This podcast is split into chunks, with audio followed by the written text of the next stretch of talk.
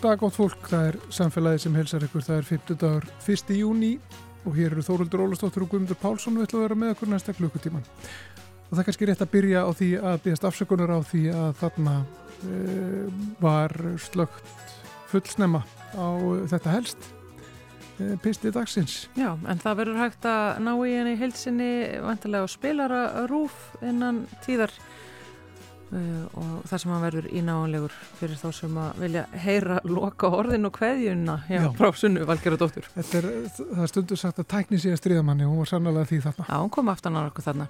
En ímislegt á daskra hjá okkur í samfélaginu við ætlum að heimsækja mötuneyti Vímbúðarinnar en Fridrik Raunfjörð sem er líka kallaður Fridrik 50 ræður þar ríkjum og leiðir sitt fólk áfram í umhverfismálum og grænum skrefum. Hann viktar allt rust, nýtir afganga, reynir að áætla upp á gram hvað hver borðar. Það á ekki vera neyn matarsón eða umfram kaup. Hvernig fær hann þetta til að ganga upp? Eru allir ánæður og sattir og hverju skilar þetta? Við heimsækjum Íþróttahúsi við Áskarð í Garðabæ. Þar sem er verið að undirbúa stóru safnararsýninguna Nordia 2023 og þar er margt og og uh, fjölmart áhugavert sem að hægt er að skoða. Og það verður sagða sögur eins og Gísli Geir Harðarsson formaður síninganemdarinnar segir okkur betur frá á eftir. Ruslarapp verður svo sveimi einhver tíman í þættinum og svo verður umhverfispistillin á sínum stað. En við skulum byrja í grænu mötuneyti vínbúðarinnar upp á höfða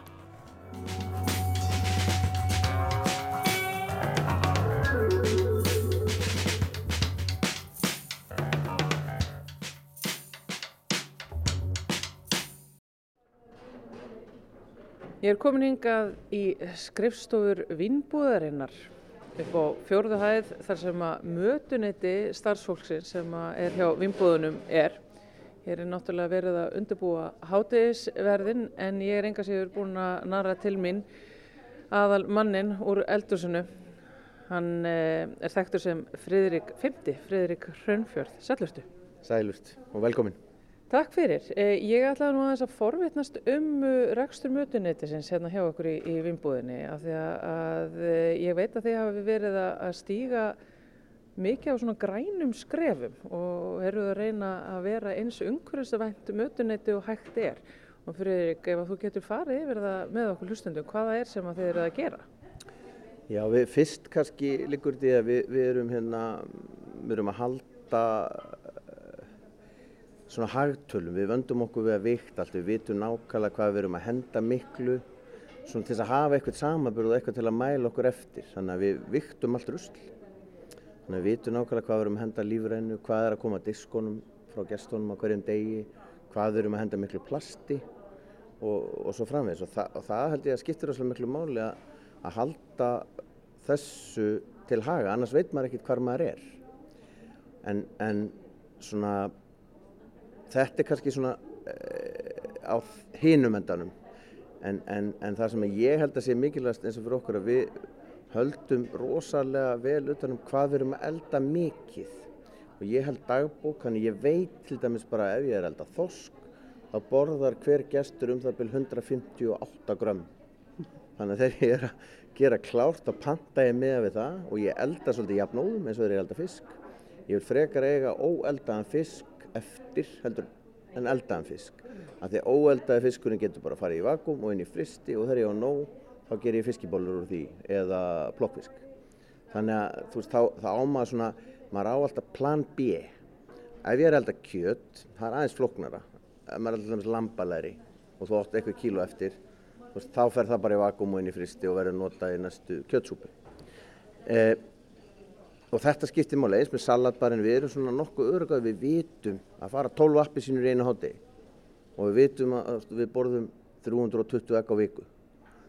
Þetta hljómar kannski mjög sko, mjög óinteresting en, en þetta er eitthvað sem skiptir máli að þeim að lengur henda. Svona förstu degi og það er svolítið svona dagur sem maður hugsaður á hefur, nú þurfum við að passa okkur að við viljum ekki gera mikið því að það er helgi sko. og reyndar er fólki sem vinnum með mér algjörlega meðvöld um þetta og við vinnum alls saman í þessu og ég held að þetta skiptir rosalega miklu mál og núna bara eins og fyrir okkur sem almenning þá finnst mér vanta svolítið, þetta vanta svolítið umræðina að veist, við, við erum með alls konar námskeið þar sem við getum lært að eldur afgöngum og, og, og við erum með eitthvað súpu það sem er basically að elda úr grammeti og hlutum sem voru leðin í ruslið og eitthvað mm. sem er allt fallegt.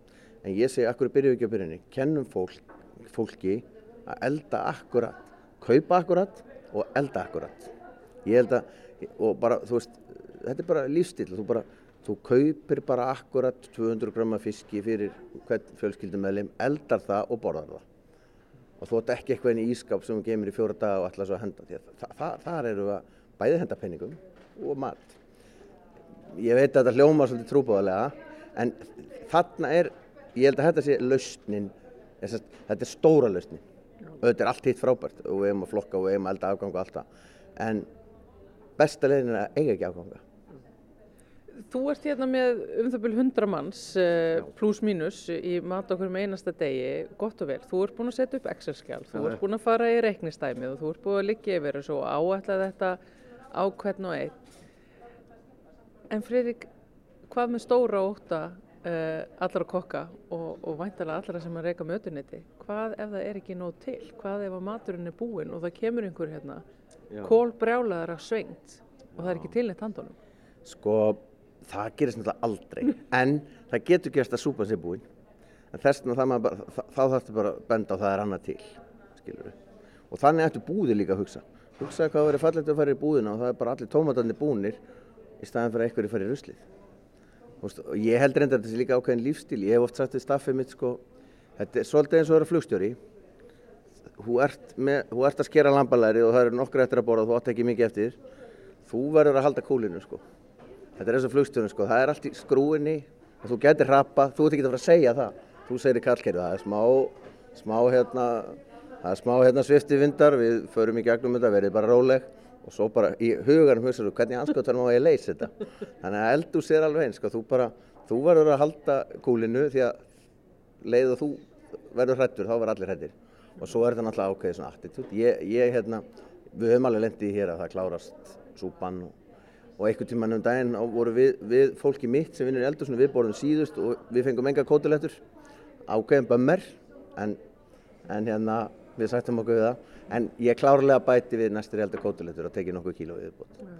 en, en það er partur að ég læra af þessu veist, ef maður eldar bara alltaf og mikið þá er þetta náttúrulega hættulegt. Að En svo er þetta líka bara, veist, ég er um svo gama allir búin að svo lengi í þessu að það býtur ekkert á mann lengur þannig að, þannig að maður næri ekkert neina en þetta snýst um ákveðu svona sjálfsverki þá líka gott að vera með gott bókald Ég er með tjó eftir því sem þú sagðir að við ættum í rauninni að gleðjast ef við komum í búðina og hérna, eitthvað er búið af því að það þýðir að það er ekki fullur gámur að því rótnandi fyrir utan. Og, og eins sem þegar við komum í mötuneytið að eitthvað sé búið af því að það þýðir að það er ekki matarsóun. Þetta er náttúrulega bara kannski viðhorf sem að fólk í jafnmeiklum ofgnótum og við erum í hérna bara, erum búin að gleyma hvernig Við erum spilt.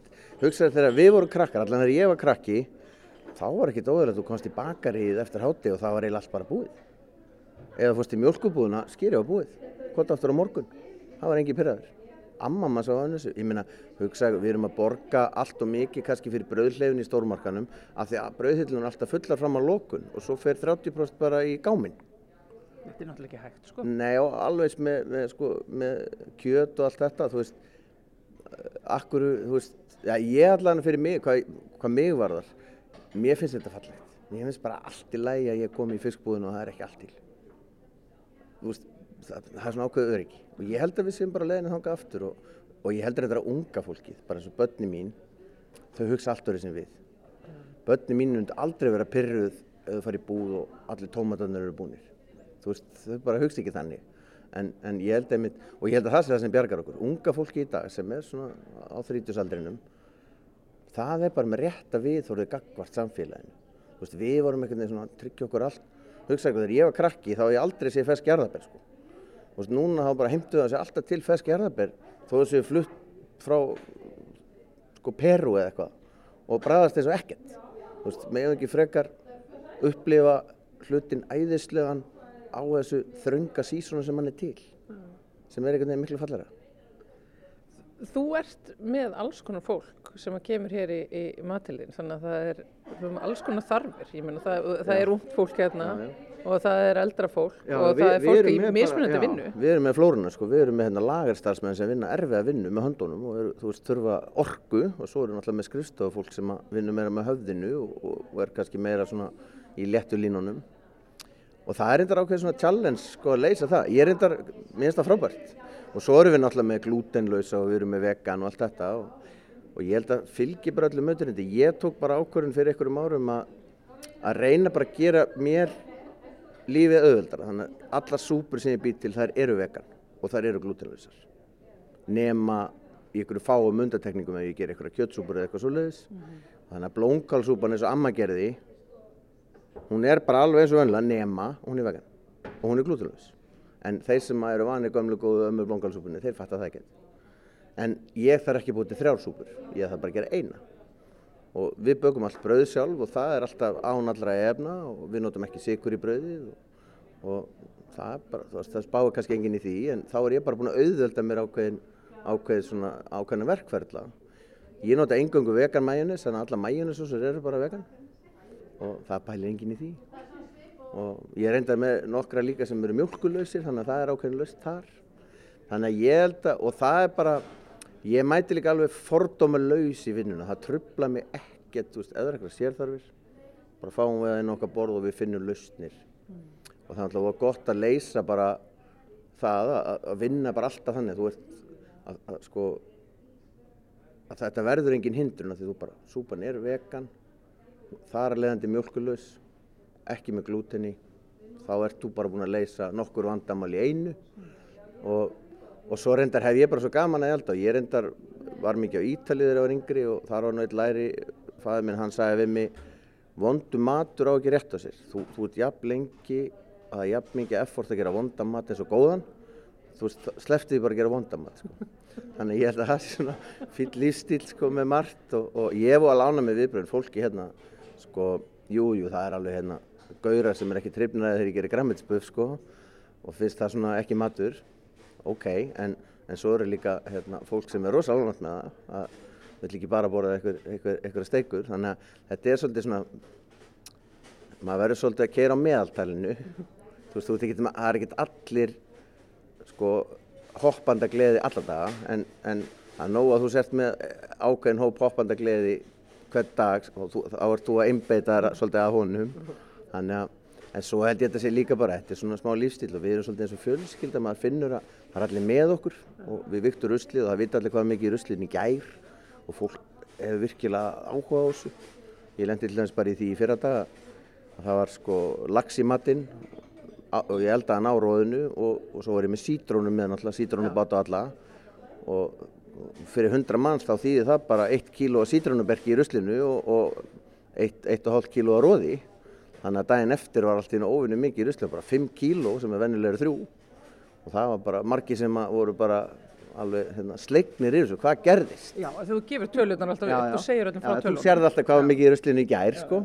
Þannig að hérna, ég var náttúrulega útskjörður fyrir fólki að það ger engin eitt af sér og það var engin að henda matnu sínum. Það var hérna bara ekstra mikið af sítrónuberki og, og laxaróði sem var eðlilegt. Já, já, ég minna þetta er bara eins og þú nagar kótilettu beinið, sko. Þú nagar allt kjötið og allt sem er ætt utan að því en svo hendur beininu og auðvitað náttúrulega vikta beinið líka, það er bara alltaf læg, það er bara hluta á þessu. Já, já, og það er bara eins og ég sendi nú reglulega pósta á alla og ég bendiði maður um daginn að við vorum með svínari og, og þegar við eldar svínari þá eru svona um 30 til 35% af viktinni eru bein. Já. Það er þannig að ef þú eldar sko 30 kíló, það eru bara 10 kíló í ruslinu af beinum Já. og það er engið synd, það er bara, þú veist, það er partur af ferlinu og náttúrulega að vikta allt, það snýst ekki um að vera að sigra heiminn sko og reyna að gera þetta nulli það snýst bara um að vita það sko, og þá getur maður líka að sé sko, ef við erum með eitthvað það sem ætti ekki að vera mikið í ruslinu, það er mikið í ruslinu þá þá maður hugsa að vita hvað hva gerir, hva, hva við vittlust mm. en, en þetta má heldur ekki vera þetta má ekki vera sko, streytuvaldandi það eru nokkur hérna sem hafa tekið þetta mjög inn og maður svona, er stundum að hugga, hugga og segja, ekki hafa okkur að þessu. Þetta er eðlilegt. En, en svo held ég að þegar við erum búin að gera þetta lengi þá tröflar það engan sko. En, en ég, ég, ég ætla að hafa áökjur þegar, þegar að fólk sér háa ruslatölu og engi segir neitt, þá ætla ég að hafa áökjur af því að meðan að fólk hefur áökjur að því og spyr mjög út í það þá veit ég að það eru allir meðvitaðir En það er einmitt þetta sem að þú ert að lýsa fyrir sem að er líka náttúrulega mjög mikið, mikilvægt í þessari hugmyndafræði sem þú ert að keira hérna áfram í þínu mötuneyti. Það er þetta virka samtala og upplýsingagjöf til starfsfólksins og, og, og, og líka náttúrulega að gera þau veist, hluta þessu. Þau eru þáttangandir í þessu ferli þannig að sko það að koma hingað og borða og sjá ruslatöluðna frá því í gær og hérna veist, vita hvernig þú handirar matinn og hvernig þetta er allt gert.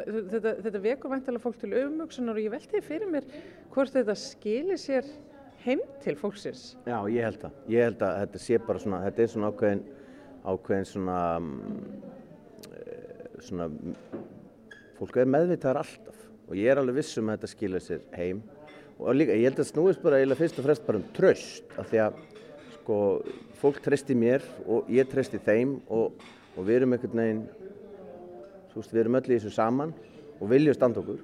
Og við reyndar um pínu, auðvitað ég pínu hérna forreitindabési, við erum með gardirkjumann og við erum með, við, hérna á landaregnin erum við með matjústagarð og, og hérna og við erum með sjá eins og staðinu núna þá erum við alveg veltaði fyrir okkur að fara bara framlega moltu úr eitthvað lífrannar ruslinu sem við getum síðan nota bara hérna á 3N og, og, og matjústagarðin það er endilega það í ferli og mér finnst hugmyndið frábær en ég er ekki sérfræðingur hann þannig að ég er svolítið að leita til þeirra sem vita meira en, en sko og ég býð spenntur náttúrulega í haust þegar við fyrir að taka upp kartöflur og, og, grænkál og, og eitthvað rótagræmiti og svona þannig að ég er bara og ég er náttúrulega alveg búin að óska eftir að við fáum gróður og slíka en, en það er allan að vonandi gerist það allan að ég, ég lifi vonin og það er mjög margir sem er með mér í því sko. en svo erum við líka bara svo heppin við erum með rosa mikið af fólki sem eh, er svolítið að spáða þetta heima sko. og, og hérna ég, þetta væri náttúrulega ekki hægt ef að fólk hefði ekki áhuga á þessu. En það er einhvern veginn allir bara á sömu leið.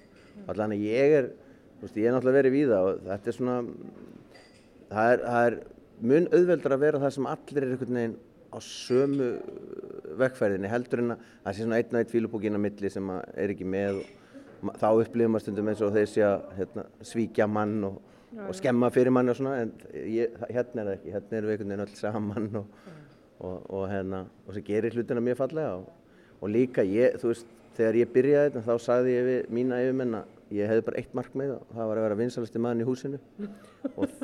Og ég er alveg þar ennþá og ég er ekkert að fara að sleppa því.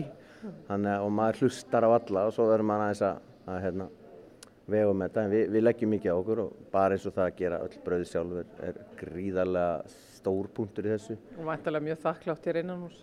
Já og við, við leggjum mikið upp á morgumatnum, það fá allir góða morgumat og það er bara stefna fyrirtækisins að þegar að fólk mætir þá eru nýbökur rúnstykki og, og skýr sem að, semst, við kaupum bara óhært skýr sem við bræðbætum sjálf og setjum í fallegar fjölnóta glerkrukkur sem við notum bara aftur dag eftir dag og, og við gerum tværgerðar að bústi á hverju mótni, ímist með bara græmiti og ástum eða með, með mjölkur árið líka. Og þetta er bara eitthvað sem er komið í vana og við, ég reyndar allir sem ekki að fari ekki svona 25-30 einingar af þessu á, á dag. Og við reynum að vanda okkur að, en það er sama ég sagði á hana, við gerum x á mótnana og við gleiðjumst yfir eftir hátegi þegar ekki það er eftir. Við erum meira fúl ef að það seljast ekki allir. Og það, það er eiginlega bara við brosum þegar eitthvað kemur og segja hvað er bústið búið? En, en, hérna. En það er svona partur af þessu og, og hérna en, en eins með það, við, við bjóðum bara ávöxt, þú getur keftir einn ávöxt og, og, og hérna ég er reglulega með hnetubar, býði bara til svona nammibar sem er bara með hnetum eitthvað svona góðu, þá getur þú gripið með þér í lítinn boka, þú veist þegar þú ferð að vinna og svo ferðu hérna, kemur smá hungutilfinning, töðleitið, þá getur þú bara borðað hnetur. Þannig að, þannig að ég held, en þetta er allt eitthvað sem maður hlerar bara, hvað er fólki að tala um og hvað þarf maður að leysa. Og það er partur að þessu hérna verkefni að vera vinsalisti maður í húsinu. Sem er frábæð markmið. Og ég held að þessu margi sem eru að hlusta þarna út í atvinnulífunu sem eru að fyllast ákveðni svona mötuneytis öfund hérna út í þau hér í vinnbúðinni. Eh, Eða að, að ljúka þessu fyrir Erik, viltu fara með mig inn í eldús, það er náttúrulega allt í gangi þar já, og bara... Það getur verið eitthvað háað og svona. Já, já, það er bara háað og það er allt í lægi en bara fyrst að við erum farin að gera fólk sem eru að hlusta öfundsjúkt, viltu þá ekki segja og lýsa því sem þú ætlar að bjóða hér í, já, í, í dag, upp á í dag. Já, í dag erum við með lambalæri og Þá erum við með villikreita lambalari sem við erum búin að láta liggja í viltum júrtum. Beinin, semst ég úrbeinaði lærin sjálfur og beinin fór í sóð. Sósan kemur úr því. E, lamb, ég er enda hægældaði lærin, þau eru búin að vera í opninu síðan sjöu morgun á 60 gráðum. Og ég sker þessu bara beint honni í gestina. Og við erum með karteblusmælki, rauðkál sem við suðum náttúrulega sjálf, sultu sem við suðum sjálf. Ég hérna, stokka mig alltaf upp að rappa bara. Ég er með nokkra góða félaga sem eiga, eiga stóra rababara ekkur, þannig að ég á alltaf í fristi rababara. Eh, sýrða gúrkur sem við gerum alltaf sjálf. Við erum með tómat og paprikusúpu, það er súpan í dag. Og það er í raun og veru súpa sem við erum með reglulega. En hún verður til, því að alltaf á morguðaraborðinu er ég með niðursneita tómata og papriku. Ef að ég sel það ekki í morgumatnum, þá fer það í fristi, í sérstakand allin í fristi. Þegar að þeir eru hodni fullir, þá ger ég mögsúpu úr því. Þannig að man, þetta, er bara, þetta er bara svona partur af hringrása kerfinu, við, við hendum engu. Og, og, hérna, og svo eru náttúrulega með nýbaka brauð. Ég er endar af því að lambalæri, þá finnst okkur, ég er náttúrulega með frábært fólk með mér, þá finnst okkur, mér og Egil og fannst allavega við hæfi að vera með malt og appisín. Þannig að við ætlum að vera með malt og appisín í svona drikkjafondum með. Þannig að við förum alltaf allavega. Ég er endar á, kona mín, hún er kannski minn sterkast í gaggrinandi, hún segir að, að ég sem kokkur er einfallega þannig að, að sko mottoð mitt er til hvers að fara stittri leðina ef ég get farið lengri leðina. Þannig og ég held að það skilir sér alveg í þessu markmið að vera vinsaldi mann í húsinu sko. Þannig en við erum, ég er með ótrúlega gott starfsfólk sem er alveg með mér sko, ég, maður fyrir sundu fram og sér og allar að gera allt og margt og svona en það, hér hefur aldrei neitt verið neikvæður, allar hugmyndir teknar í ákvæður og allir með. Og ég er alltaf með frábært fólk, við þurfum stundum að hlaupa aðeins hraðar en, en við gerum það bara brosandi, það gera það ennþá skemmtilegra. Ég held að það sé líka bara ekkert eins gott og góðu matur sem er eldaður á góðum hug og í sátt og samlindi, þú veist, við eh, fólk, dýr og plánutu. Ég er sammála, ég, ég var hjá Alþjóðsambandi Íslands en ég kom hingað og mér langar núna, þegar kjara samningar eru lausir á næsta ári, mér langar að setja inn í kjara samninga, ég vissum að það á að telja stærra heldur en einhver krónutala, að bara setja inn í kjara samninga að eiga að vera almennilegt mötunni til öllum vinnustu. Heyr, heyr! Já, ég held að það geti, geti bara verið mjög stert. Kanski Bjarni Ben að hlusta á svona því þetta geti verið vingill á ríkistönduna að stuðla þessu því að, því að þú veist, peningar er ekki allt sko, en, en matur og þá kannski vitnaði í, í, í, í Slow Food að hérna, Carlo Pedrini sem stofnaði Slow Food samtökin, hann sagði svo rétt fyrir þegar hann var nýbúin að stofna, stofna Slow Food samtökin þá sagði hann að því að þá hefði George Bush sagt they who control the money, they control the world og, og hérna Carlo leiðrætti að það sagði they who control the food, they control the world þannig ég held að það sé svolítið svona svolítið mikið til í því Mæltum manna heilastur, Fridrik Finti, Fridrik Hrönfjörð, aðalmaðurinn og svo vinsalastur náttúrulega í vinnbúðinni, mötunitinu hér. Takk fyrir spjallið. Takk sem við leiðis kælega.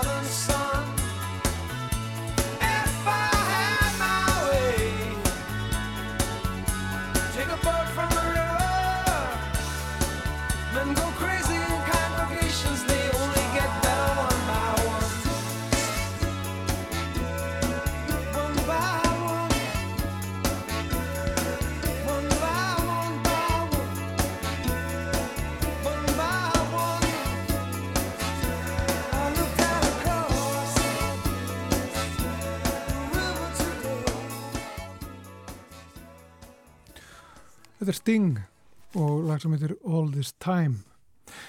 En ég sé það hérna á vefnum okkar rú.is þóruldur að uh, það var aldrei mælst færri sólskins stundir í Reykjavík í mæ mm. en í ár. Já.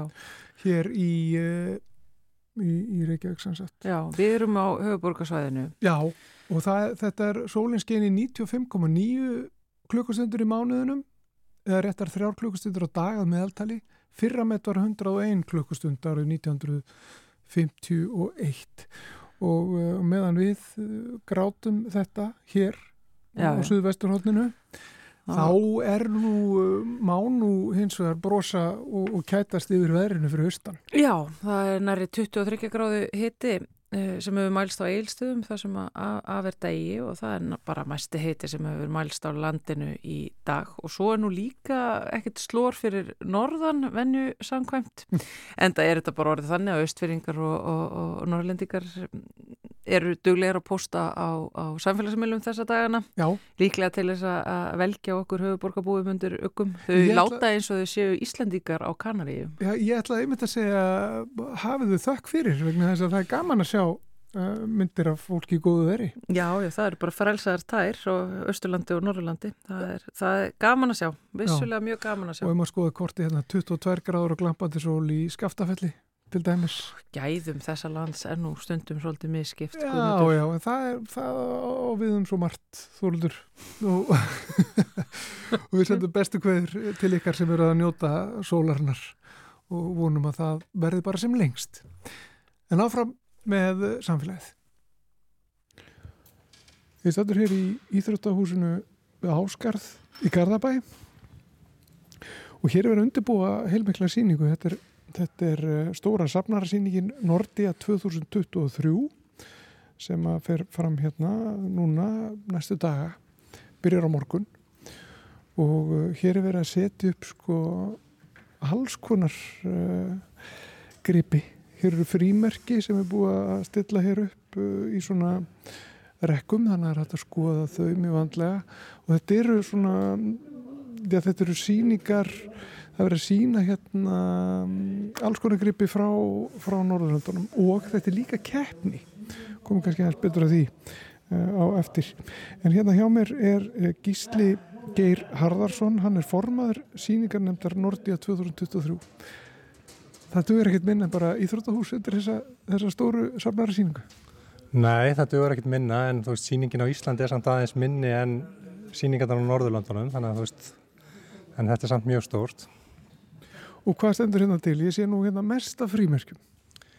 Já, síningin hefur í grunninn verið frímerkjasíning en við hefum þróað síninguna hér á Íslandi í, í það átt að, vera meiri safnarsýning þannig að svona 60% af síningunni er frímerki og svo 40% cirka eru aðrir safnararlutir myndsæðlar húumerki já, alls konar lutir Og þetta er, þetta er uh, fólk sem kemur hér með, með söfnin sín uh, af Norrlandunum, víða Norrlandunum eitthvað. Já, þetta er öll Norðurlandin og svo er semt samtök Norðurlandasafnar í Bandaríkjónum er, er líka með söfn hérna. Þannig að það er, það er sér félag fyrir Norðurlandasafnun í Bandaríkjónum. Ef við getum sagt mér aðeins frá bara hvernig þetta gengur fyrir sig. Hva, hvað, uh, hvað er verið að sína hér, sko, við tökum bara frímerkin. Þetta eru, það er svona, getur maður sagt að þetta sé þema sem að hver þáttakandi er með. Já, ég er nú verið, sko. Þetta er skipt upp í 5-6 keppnisflokka Þannig að þú ert að sína þitt sap sem að fellur inn í einhvern af þessum kefnisflokkum og, og síningin er dæmt eftir punktakerfi sem er hægt að fá mest 100 punkta og til að komast inn á síninga þessu tægi þarf það að hafa áður fengið 75 punkta og þannig að það er verið að dæma söfnin í dag og morgun.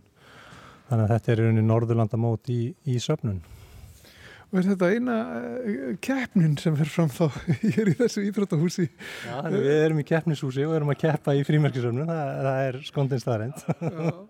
og er þetta almennt uh, með, með svona frímerkisýningar að það, er, það eru keppnir?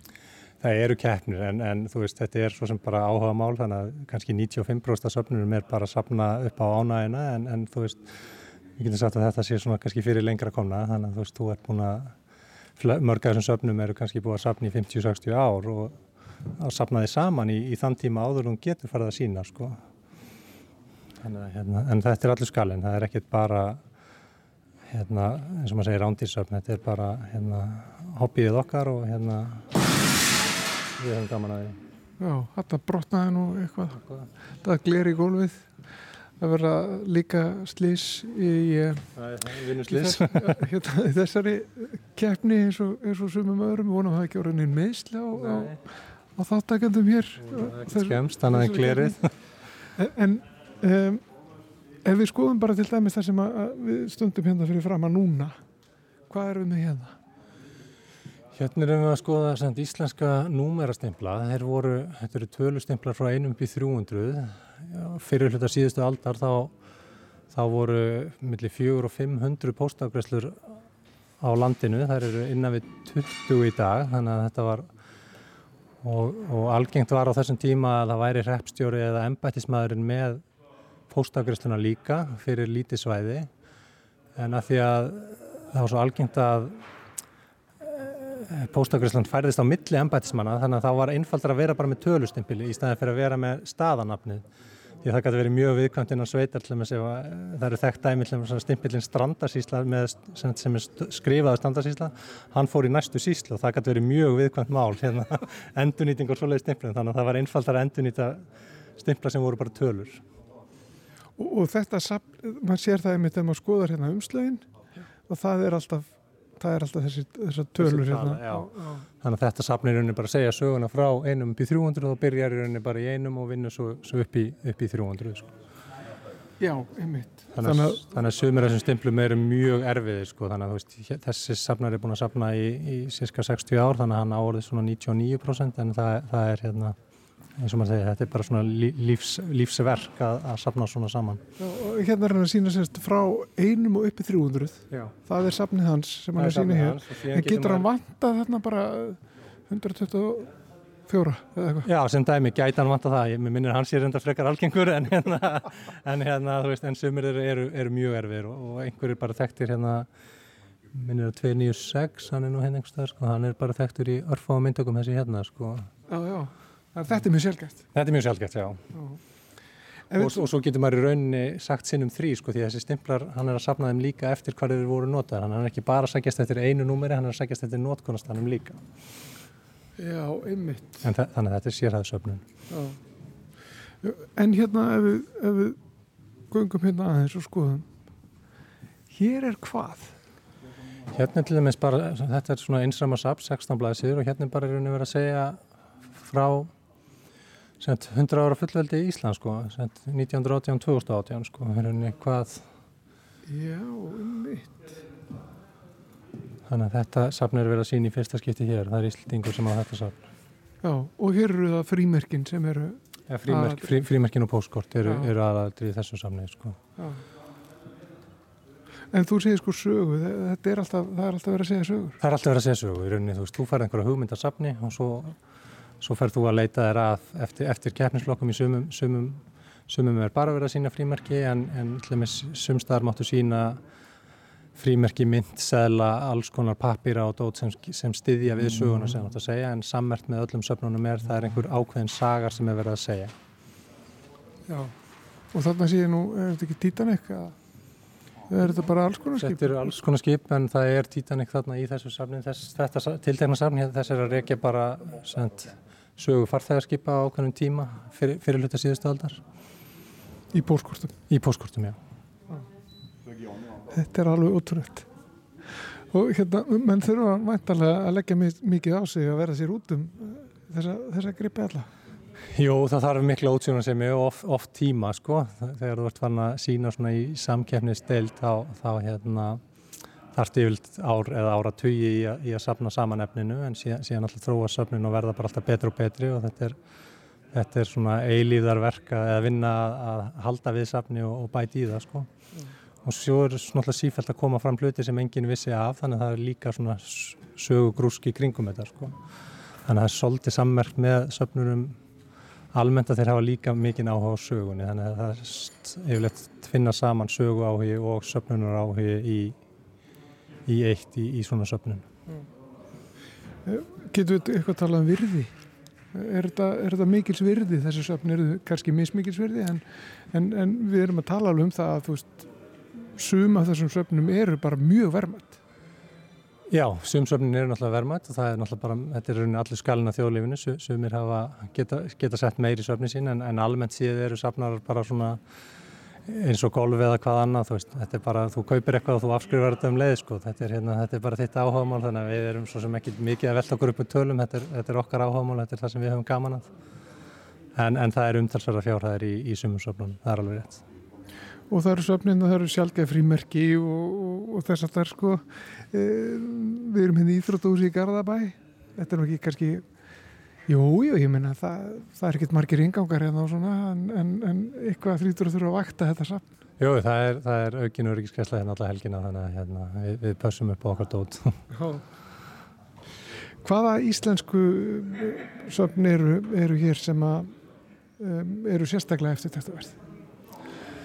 Eh, Eftirtækast að segja náttúrulega það sem kemur frá þjóðskjálusamnu, það er náttúrulega bara samegn okkar allra, það eru hérna fyrstu frímerkin, það eru skildingafrímerkin og, og þeir voru svo vinsanlega að lána okkur nokkur, nokkur þannig bref í tilefni á þess að það eru 150 ár frá því að fyrsta íslenska frímerki var gefið út, þannig að það er, það er að mínum að því áhugaverustu hlutinir en, en, en þú veist hver sér þetta með sínu nefi, þannig að það sem, það sem einu finnst gull finnst öðrum verið að drast, þannig að það er hérna þannig að það er öllu safnað þannig að það er ekkert að það er að draga eitt út en, en, hérna, en mér, mér, mér finnst sérstaklega gaman að fá þessa hluti og almenningu getur skoða Já.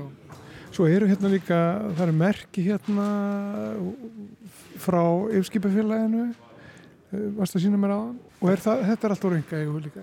Jú, það er eiginlega, það eiginlega allt á síningunni í enga eigu nema, nema gripir hérna frá laurgluminjasafninu og svo þjóðskjálasafni annars er allt annað í enga eigu Svo sáum við nú hérna frekar svona um, óskemtilega óskemtilegar myndir hérna. Það eru, það eru, það eru hérna plaggött frá íslensku nazistum Já, við fengum hluti lánaða úr einu engasafni þannig að það er, það er svona sögu áhuga maður sem er að hérna, safna hlutum tengdum bæði setni heimstyrjöldin og svo hefur hann áhuga bara á alls konar hlutum þannig að hann, hann er að hann er að varvita söguna þannig að við þurfum að vita hvernig sagan var upp á, upp á afstýra þegar svona svona gerist ekki aftur, það það er ekki leiðin allan að afnetta hlutunum til að, hérna, til að koma í vekkverða þegar við erum endur Þetta eru svona einhver áróðusplakkut hérna í tengslum við, við frambóð Já, þessi tilteknu hlutir þarna eru einmitt frambóðsplakkut fyrir flokk, flokk þjóðurnisina á sínum tíma. Já.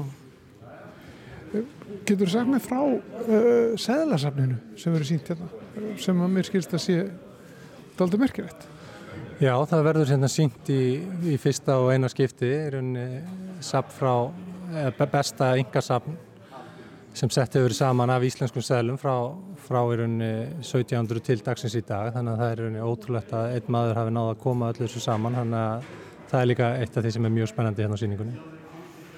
Hvernig týpur eru þetta sem að eru þessu? Er, er þetta sérvitringar? eru þið, er, það er alltaf leið með ykkur, hefði ekki? Þetta er svolítið mikið, svolítið mikið og, og, og þröngt áhersfið og mikil vinna greinlega sem að fer í þetta alls saman. Jú, það er eins og ég sagði, þetta samtynast náttúrulega yfirleitt sög áhugi og svona söpnuna bakteríja sko, sapna saman í eitt sko, þannig að hérna, þannig að við erum svona þverskurð að mynda hérna, þjóðinni en, en við erum líka alveg stoltir að vera nördar sko. En það lítur að vera gaman líka að, að geta sínt þetta og geta tekið þetta saman og svona búið til þessar sögur eh, einmitt sem þú nefndir á það. Jú, nákvæmlega sko, svo er þetta svona eila bara eins og maður segir, þetta er ásáttíðin okkar, þannig að þú veist, hérna erum við að koma saman og, og sína það sem er búið að safna saman og hérna og bjóða gestum og gangandi til okkar og hérna það er ótrúlega mikið að skemmtilegum hlutum þannig að við hvetjum alltaf til að koma og kíkja okkur inn um helgina. Já, Já þetta lofur mjög góðu og þetta er mjög margt að þessu er, er virkilega áhugavert.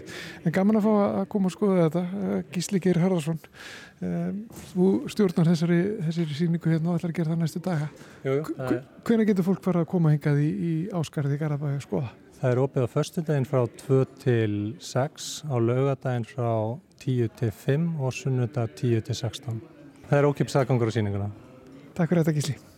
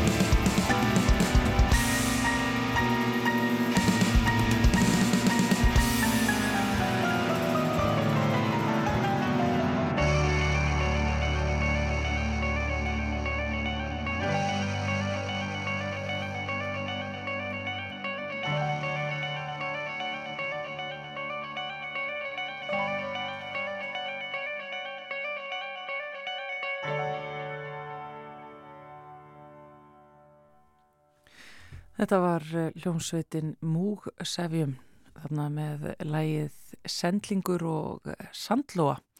Sandlóa var nú aldrei til umræðu hér hjá okkur í samfélaginu fyrir skemstu þegar við heimsóttum eh, byggingarsvæði á Seldjarnanessi við gróttu.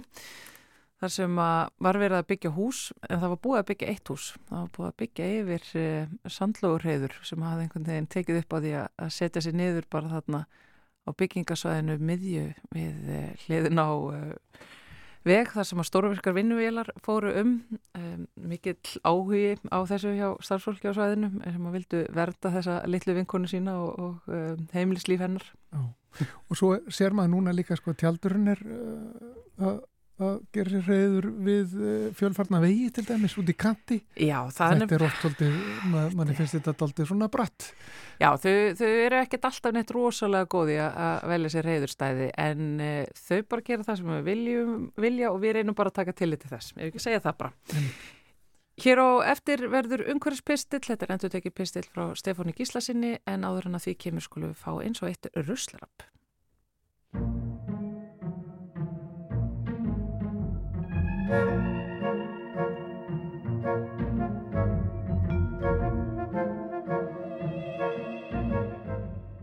Ruslarappið með Eiriki Erni Þorstensinni, sérfræðingi í fræðslu og miðljun hjá Sorpu farið að stað og við fengum fyrirspurt frá hlustanda sem að vildi að við rættum um hefti og heftara. Já, alveg rétt. Hérna, hvað á að gera við ónýtan heftara? Eh, þetta er náttúrulega, já, úr málmi að, að mestu leiti og, og náttúrulega líka plasti.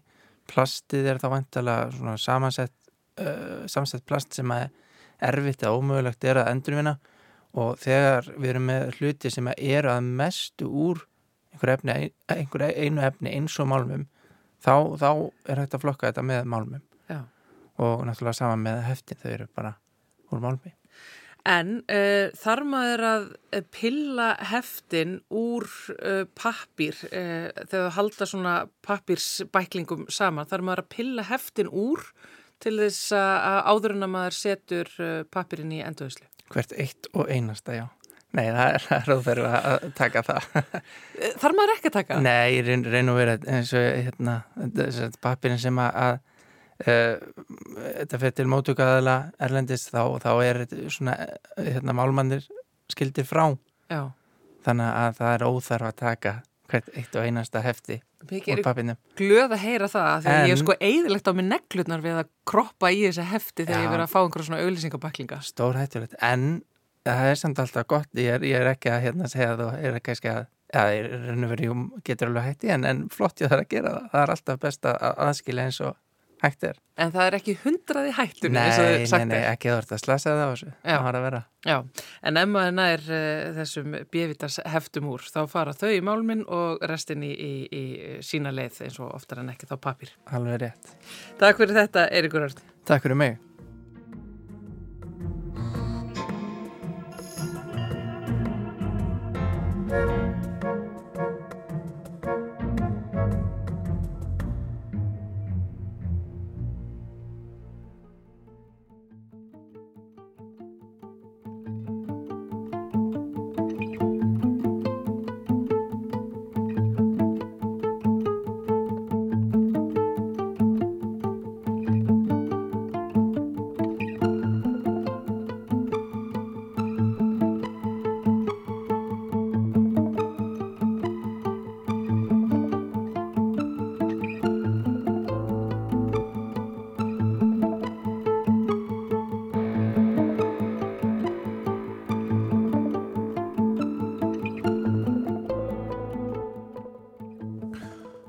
Þá ætlum við næst að heyra í Stefánu Gíslasinni sem flyttur okkur sinn pistil. Í síðustu viku byrtist grein í vísindaritinu Cell Reports Physical Science eftir hóp vísindafólks við Illinois Háskólinni Chicago og fleiri sérfræðinga þar sem sagt er frá aðferð sem þau hafa þróað til að breyta koldioksidi í útblæstir frá verksmiðum í etílen og öðru nafni eten. Þetta var enda fleiri gert en aðferðin sem hér umræðir er samt byltingarkend vegna þess að í henni fer nánast ekkert koldioksið til spillis eða um öðrum orðum sleppur nánast ekkert koldioksið út í andurslofti í ferlinu. Etilen eða eten gegnir stærra hlutverki nútímanum en maður kannski átt að segja á, meðalans vegna þess að efni er grunn einingin í margskonar plastframlislu. Margir kannast til dæmis og efni heiti polyetilen sem er mjög algengt tegunda plasti sem flest okkar nota með einhverjum hætti hvernig einasta dag. Eten er líka notað í frostlög, sóttreinsi efni og utanhúrsklæðningar svo eitthvað sem nefnt, auk þess að vera notað í landbúnaði. Áallir er að árlega séu framlitum 160 miljón tonna við etin í heiminum. Hefðbundna aðferðin við þetta fælst í stuttumáli í að hita jarðgas eða aðrar ólíafurðir upp í 800-900 gráður á Celsius en við það verða til ímsa lofttegundi sem hægt er að aðskilja. Einn þeirra er einmitt eten. Eten er sem sagt alla jafna ólíafurð og auk þessi framlegslan býstna orkufrek rétt eins og ráðama á hitastíðinu. Í samræmi þetta er gjarnan miða við að við hefðbundna framlegslu á einu tonni af etinni losnum 1,5 tonna koldíóksi út í andurslóftið. Þetta þýðir að árlega losna samtals um 290 miljón tonn á koldíóksiði út í andurslóftið vegna etenframlegslunar. Það samsvara meira en 20 faldri losun Íslands þegar allt er talið, bara vegna framlegslu þessu eina efni. Einu efni sem valda meiri losun í framlegslu eru ammoniak og sement. Nýja aðferðin við etenframlegslu byggir á rafgreiningu þar sem koldíóksir og útblæstri streymir inn í þar til gerða sellu. Í sellunni membra og hinum með hana er vasslaust. Þegar rafströmmir hleyft á selluna dregur koldíóksidi til sín vettnisfrumendir úr vasslausninni með hjálp sérstakra efnakvata. Þar með getur koldíóksið kvarfast í eten auk þess sem önnur kolminsambönd og súrefni myndast sem hlýðarafurðir. Með þessari aðferð hefur tekist að framlega 1 tonn af etinni úr 6 tonnum á koldíóksiði sem alla hefur sloppið út í andrusloftið. Með nokkur í einföldun getur maður því sagt að lofslas ávinningurinn af þessari etinframlæslu jöfngildi 7,5 tonni af koldíóksiði fyrir hvert tonn af etinni. Því að við tonnin 6 sem alla hefur sloppið út bætist eina á halva tonni sem hefði losna við hefðbundnu etanframlistuna. En svo áður segir þetta enga veginn í fyrsta sinn sem etin er framleitt úr koldíóksiði, en nýtingin í þessu ferli er hins vegar miklu betri en áður hefur sést. Þannig sem satt verið að tala um hátt í 100% nýtingu, en hinga til hefur 10% nýting verið nokkuð dæmigerð. Svo er líka hægt að nota sömu aðferð til að framleiða önnur kolminsrík efnasambönd sem nýtast í marskonar einaði. Auðvitað skiptir máli hvernig raforka er notuð í rafgreininguna því að ef svo raforka er framliti kólaorkuverum tapast augljóslega eitthvað að loslasafinningnum. Vísindafólki í Chicago hefur reyndan að mjög aðtilsverðum árangri að nýta sólarorku til þess arna, svo góðum árangri að það jafnast á við orkunýtingu plantna sem framlega kólumnisambundur vatni og koldíóksið með ljóstilfun. Nú er eðlegt að spurt sé hvort svona uppgötvanir fel ekki bara í sér enn eina afsökununa fyrir því að halda áfram að framlega fullt af einhverju drastli sem betra væri, frá umhverjasluðu sjónamiði, að framleiða ekki. Það má auðvitað til sannsvegar færa. En samt þarf ekki nema lítinn skamta raunsægi til að átt að sjá að hvað sem öllum óþarfa líður muni jarðarbúar ekki minka etenframleysluna úr 260 miljónum tonna niður í ekki neitt í einu vetfangi. Eða með öðrum orðum, á meðan við höldum áfram að nota vörur og efni þar sem eten kemur við sögu, þá hlýtur vera ákjósanlegra að framleyslan komi í vekk fyrir losum koldjósis en að hún aukjana. Nú er líka eðlilegt að spurt sé hvort það sé kannski eftir allt saman ekkert óskaplega góð hugmynd að farga koldioksi úr útblæstri með því að binda það í íslensku basalti eða í einhverju öðru bergi, þar sem það verður vissulega skadlustunum leiði kakslust. Í þessu gildi sjálfsagt sama reglu og annars þar, þar að segja að við flókinni spurningu er aldrei til rétt og algilt svar. En ef valið stendur annarkvortum að farga koldioksínu eða að framlegur í vörur sem annars væri framleitur í arga sem er tilhændi losnu gróðsálóftegunda, þá er líklegt að förgurinn sé lakar í hugmyndi umhverslu tilliti. Ekkert er alfæri rétt eða alfæri ránt. Allt er þetta spurningum hvaða valkostir sé í bóði og hver þeirra sé skástur með bestu þekking á hverjum tíma.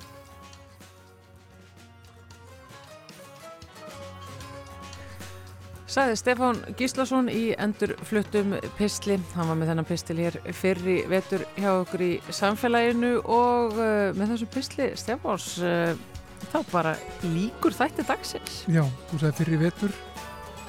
Það komi sumar. Okkur finnst kannski að það sé...